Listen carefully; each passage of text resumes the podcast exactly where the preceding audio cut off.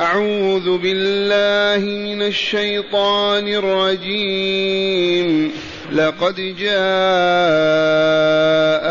رسول من أنفسكم عزيز عليه ما عنتم عزيز عليه ما عنتم حريص عليكم بالمؤمنين رؤوف رحيم. فإن تولوا فقل حسبي الله فإن تولوا فقل حسبي الله لا إله إلا هو عليه توكلت وهو رب العرش العظيم معاشر المستمعين والمستمعات من المؤمنين والمؤمنات. من باب العلم قد اختلف المسلمون من أصحاب رسول الله صلى الله عليه وسلم في موضع هاتين الآيتين واستقر الرأي على وضعهما في هذا المكان في آخر سورة التوبة المدنية مع أن صيغة الآيتين مكية. حتى إن عمر رضي الله عنه قال لو كان الآيتين ثلاث آيات لجعلتها صورة وكتبت بسم الله الرحمن الرحيم عليها. لكن ما في صورة أقل من ثلاث آيات. هذا دليل أنهم اختلفوا أين يضعون هاتين الآيتين. واتفقوا على وضعهما في هذا المكان. فوافق ذلك الكتاب المحفوظ في اللوح المحفوظ. فاحلف بالله لهذا وضعهما في الكتاب المحفوظ في اللوح المحفوظ.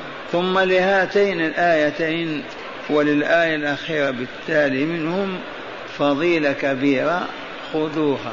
وأقول مع الأسف أن من المستمعين والمستمعات من لا يبالي بهذه الخيرية العظيمة. ورد عن النبي صلى الله عليه وسلم وصح من قال حين يصبح وحين يمسي حسبي الله لا إله إلا هو عليه توكلت وهو رب العرش العظيم سبع مرات كفاه الله عز وجل ما أهمه كان صادقا أو كاذبا. أسألكم بالله كيف نعرف هذا ونتركه؟ سفه. وإن قلت تعودنا على هذا.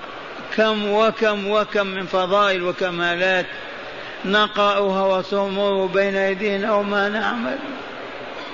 والدليل هل أمة الإسلام عاملة بشرائع الله وعبادة وأحكامه ولكن هذا لا يمنعنا أن نتخذها وردا من الليلة تعجز أن تقول حسبي الله لا إله إلا هو عليه توكلت وهو رب العرش العظيم.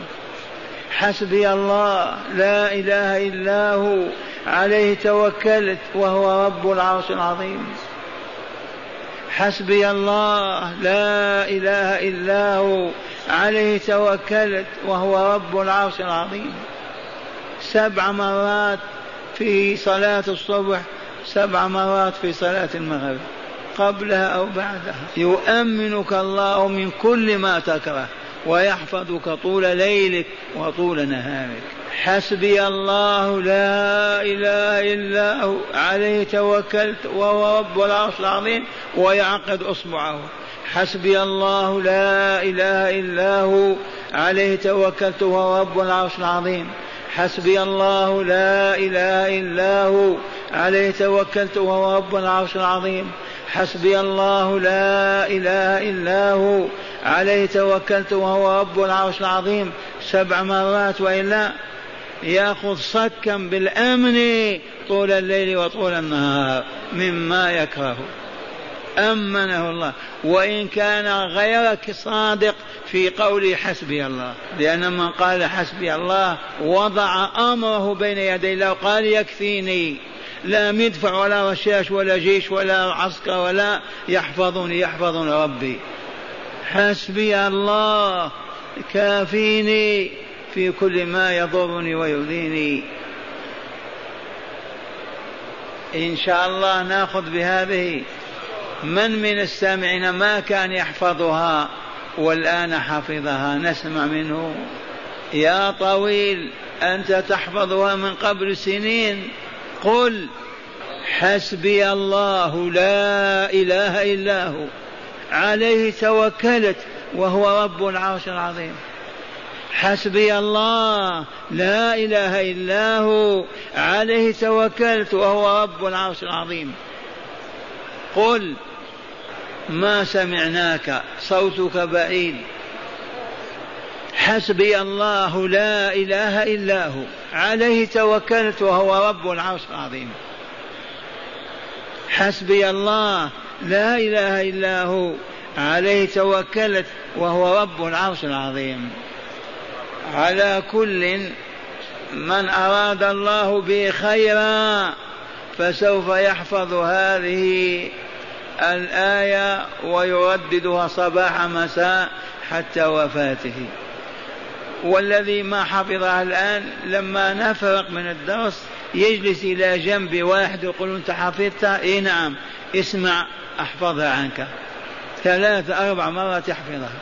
يذهب إلى بيته يقول لامرأته اسمعي مني هذه الآيات وهي عندها الكتاب وتحرف مثلا يعني في الشارع في الطريق حسبي الله لا إله إلا هو. الذي بعدها ماذا؟ يا سيد ما بعد هذا يقول لك عليه توكلت. حفظتها نسيت. ماذا؟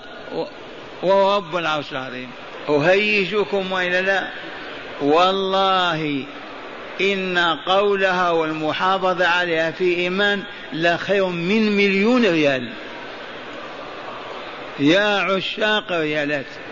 والله أفضل من مليون ريال. المليون ريال قد يهلكك ويضرك. ويخرجك من المسجد. وهذه تؤمنك طول حياتك. ثانيا قوله تعالى لقد جاءكم رسول من أنفسكم. قرئ من أنفسكم بمعنى من أفضلكم وخيركم وهو حق. ثبات لقد جاءكم رسول من أنفسكم. أكثركم خيرا وفضلا وكمالا. ولكن القراءة السبعية هي التي يقرأ بها المؤمنون والمؤمنات من أنفسكم أيها العرب. لماذا؟ لأن الآيات كما قلنا مكيات. وقوله تعالى لقد جاءكم أيها العرب الذين وقفوا في وجه الدعوة وحاربوها وأصروا على عبادة الأصنام والبقاء على تقليد الآباء الهالكين. يقول تعالى وعزتنا وجلالنا لقد جاءكم رسول من أنفسكم. لو أرسلنا إليكم اعجميا لقلتم ما نفهم ما نستطيع. لو أرسل ملكا لقالوا هذا ملك كيف نفهم عنه؟ قطع الله الحجة عليهم من أنفسكم. وكونه من عرب يشهد لهذا قول الحبيب صلى الله عليه وسلم إن الله اصطفى كنان من ولد إسماعيل واصطفى قريشا من كنانة واصطفى من قريش بني هاشم. فأنا خيار من خيار من خيار. فأنا صلى الله عليه وسلم يقول خيار من خيار من خيار لأن الله اختار من ولد إسماعيل كنانة واختار من كنانة قريش واختار من قريش بني هاشم وهو المطلب بن عبد المطلب. لقد جاءكم رسول من أنفسكم عزيز عليه ما عنتم. من يحمل هذا الهدى وهذا النور؟ يعز عليه ويؤلمه ويشقيه. ما من شأنه أن يكسبكم المشقة والعنت في حياتكم. عجب هذا. يؤلمه يكربه يحزنه كل ما من شأن أن يشق عليكم ويعنتكم ويعذبكم ويضر بكم. وإن قال قائل كيف إذا يحملهم على الجهاد؟ الجهاد عواقبه كلها خير. مشقة يوم وساعة تنتج هداية وراحة أبدية. لقد جاءكم هذا امتنان من الله عز وجل امتنان يمن على عباده. ولنعلم أن رسالته عامة بدليل قوله تعالى لقد جاءكم رسول بقوله تعالى يا أيها الناس قد جاءكم رسول. يا أيها الناس إني رسول الله إليكم جميعا. فهو رسول الله إلى الأبيض والأسود إلى العرب والعجم. إلى الجن والإنس. والله لرسول إلى الجن. وقد أخذ الجن من رسالته واهتدوا بها وعملوا بها وبلغوها وفازوا بالجنة في الدار الآخرة. ومن أصر على الشرك والكفر فهو من الهالكين. واقرأوا وإذ صرفنا إليك نفرا من الجن يستمعون القرآن. فلما حضروه قالوا أنصتوا. فلما قضي ولوا إلى قومهم منذرين. قالوا يا قومنا إنا سمعنا كتابا أنزل من بعد موسى مصدقا لما بين يديه يهدي إلى الحق وإلى طريق المستقيم. يا قومنا أجيبوا داعي الله وآمنوا به يغفر لكم من ذنوبكم ويجيركم من عذاب أليم.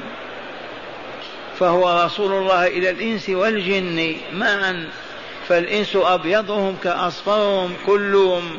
قد أرسل الله إليهم محمدا صلى الله عليه وسلم. منة الله إذن على البشرية كلها.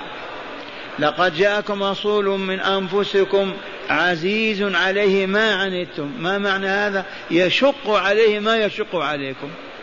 يكرب ويتألم إذا أصابكم ما يكرمكم أو يؤلمكم.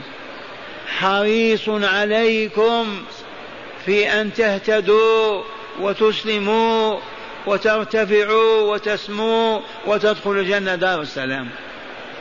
حريص على هدايته بذل كل ما يملك ليل نهارا من أجل أن يهديهم الله عز وجل.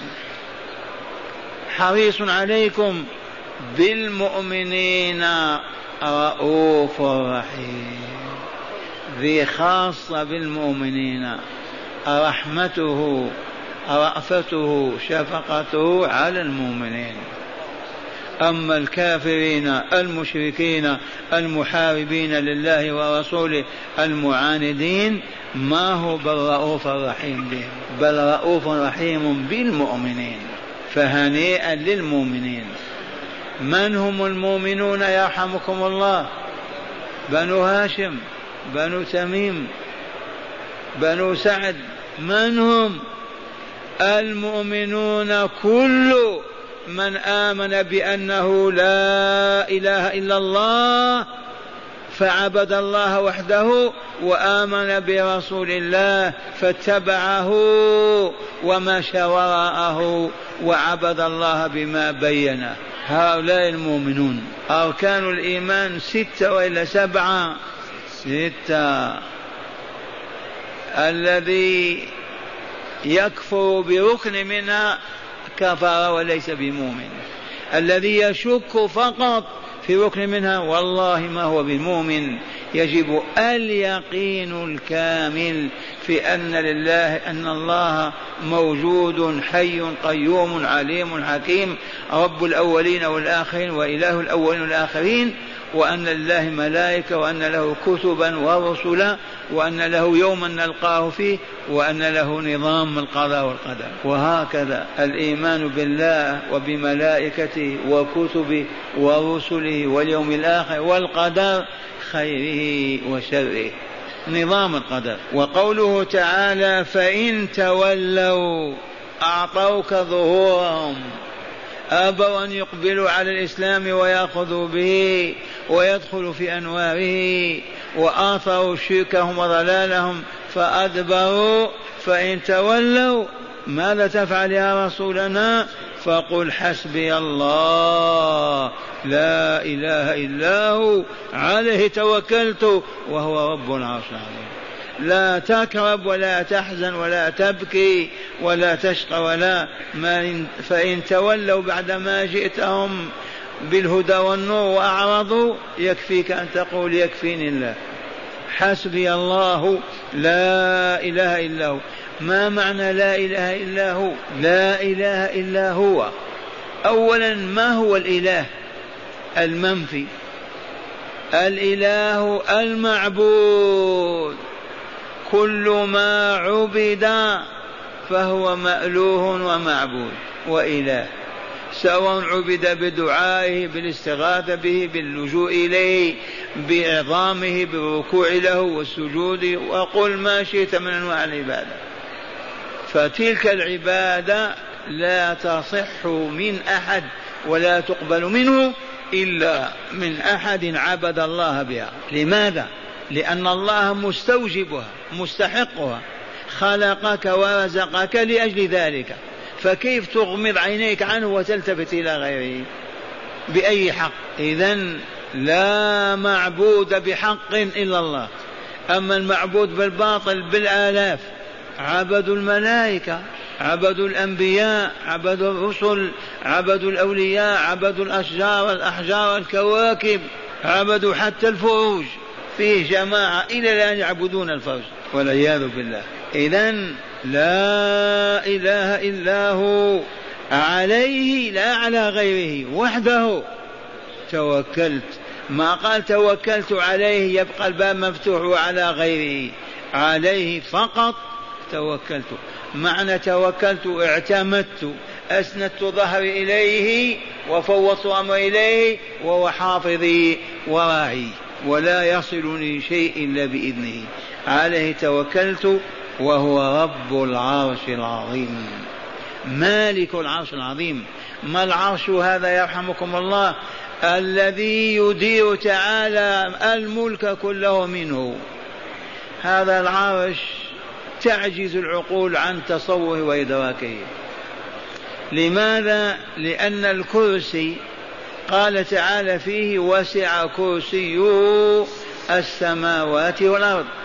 قال ابن عباس لو أخذنا السماوات السبع ومزقناها وألصقنا السماء إلى سماء وأخذنا الأراضين وألزقنا أرض بأرض رقعة واحدة ووضعنا الكرسي كرسي الله أوسع من ذلك. ما يتسع لهذا هذا الكرسي فكيف بالعرش؟ نسبة الكرسي إلى العرش كحلقة ملقاة في فلاة نسبة العرش العظيم إلى هذا الكرسي الذي وسع السماوات والأرض كحلقة من حديد رميتها في الصحراء. من يجدها؟ ما قيمته؟ ولهذا رب العرش العظيم. وقل رب العرش العظيم وهو كذلك نعت للعرش. وقل رب العرش العظيم أي الله عز وجل. والله هو العظيم. اسمعوا الآيتين. لقد جاءكم رسول من أنفسكم عزيز عليه ما عنتم حريص عليكم بالمؤمنين رؤوف رحيم. فإن تولوا فقل حسبي الله لا إله إلا هو عليه توكلت وهو رب العرش العظيم. حسبي الله لا إله إلا هو. عليه توكلت وهو رب العرش العظيم. ممكن قد تواجه خطرا فتقول حسبي الله لا إله إلا هو. توكلت وهو رب العرش العظيم. الآن مع هداية الآيتين. قال المؤلف غفر الله له ولكم ورحمه وإياكم وسائر المؤمنين. من هداية الآيتين أولا بيان منة الله تعالى على العرب خاصة وعلى البشرية عامة. بماذا؟ ببعثه خاتم أنبيائه محمد صلى الله عليه وسلم. يا قاموس من أين أخذنا هذه المنة؟ لقد جاءكم رسول من أنفسكم. هذا قلنا يمن الله بهذا الكلام ولا لا؟ منا على العرب والعجم على العرب خاصة وعلى البشرية عامة. لأن آية يا الناس قد جاءكم الرسول من ربكم. يا أيها الناس قد جاءكم الرسول بلفظ عام. وما أرسلناك إلا كافة للناس بشيرا ونذيرا. ثانيا بيان كمال أخلاقه صلى الله عليه وسلم. في هذه الآية بيان كمال أخلاقه ما أخلاقه الرأفة والرحمة والشفقة والحرص على هدايتنا وإصلاحنا. بيان كمال أخلاقه بالمؤمنين رؤوف رحيم. ثالثا وجوب التوكل على الله. وجوب التوكل على الله والاعتماد عليه في كل شيء. يقوم به العبد وجوب التوكل على الله والاعتماد عليه في كل شيء تقوم به. سواء تصلي اعتمد على الله وتوكل عليه. تصوم كذلك. تفلح الأرض وتحرث اعتمد على الله وتوكل عليه. تسافر اعتمد على الله وسافر. لا بد وأن تكون دائما متوكل على الله معتمد عليه. فإن أبيت فإنك تنهار وتنهزم ولا تواصل عملك ولا تفلح. من أين أخذنا هذا؟ فقل حسبي الله يكفيني الله. لا إله إلا هو. عليه توكلت وهو رب العرش العظيم. رابعا عظمة عرش الرحمن عز وجل. عظيم هذا العرش وإلا؟ إذا كان الكرسي وقد قال تعالى وسع كرسيه السماوات والأرض. وقال ابن عباس الذي أعطاه الله ماذا أعطاه؟ أعطاه فهما في كتاب الله بسبب دعوة رسول الله. اللهم فقهه في الدين وعلمه التأويل. وهو طفل. فقال لو أخذنا السماوات السبع والأراضين السبع ومزقناها وألصقناها رقعة إلى رقعة ووضعنا الكرسي ما يتسع الكرسي. فكيف إذا نسبة الكرسي إلى العرش؟ ما نسبة الكرسي إلى العرش؟ قال كحلقة ملقاة في أرض فلات. أرمي حلقة من حديد في صحراء سينا. ماذا؟ أين تجدها؟ إذا رب العرش العظيم وإلا لا؟ وورد أيضا من أصابه غم. أصابه كرب. تألم. يفزع إلى الله عز وجل ويقول لا إله إلا الله العظيم الحليم.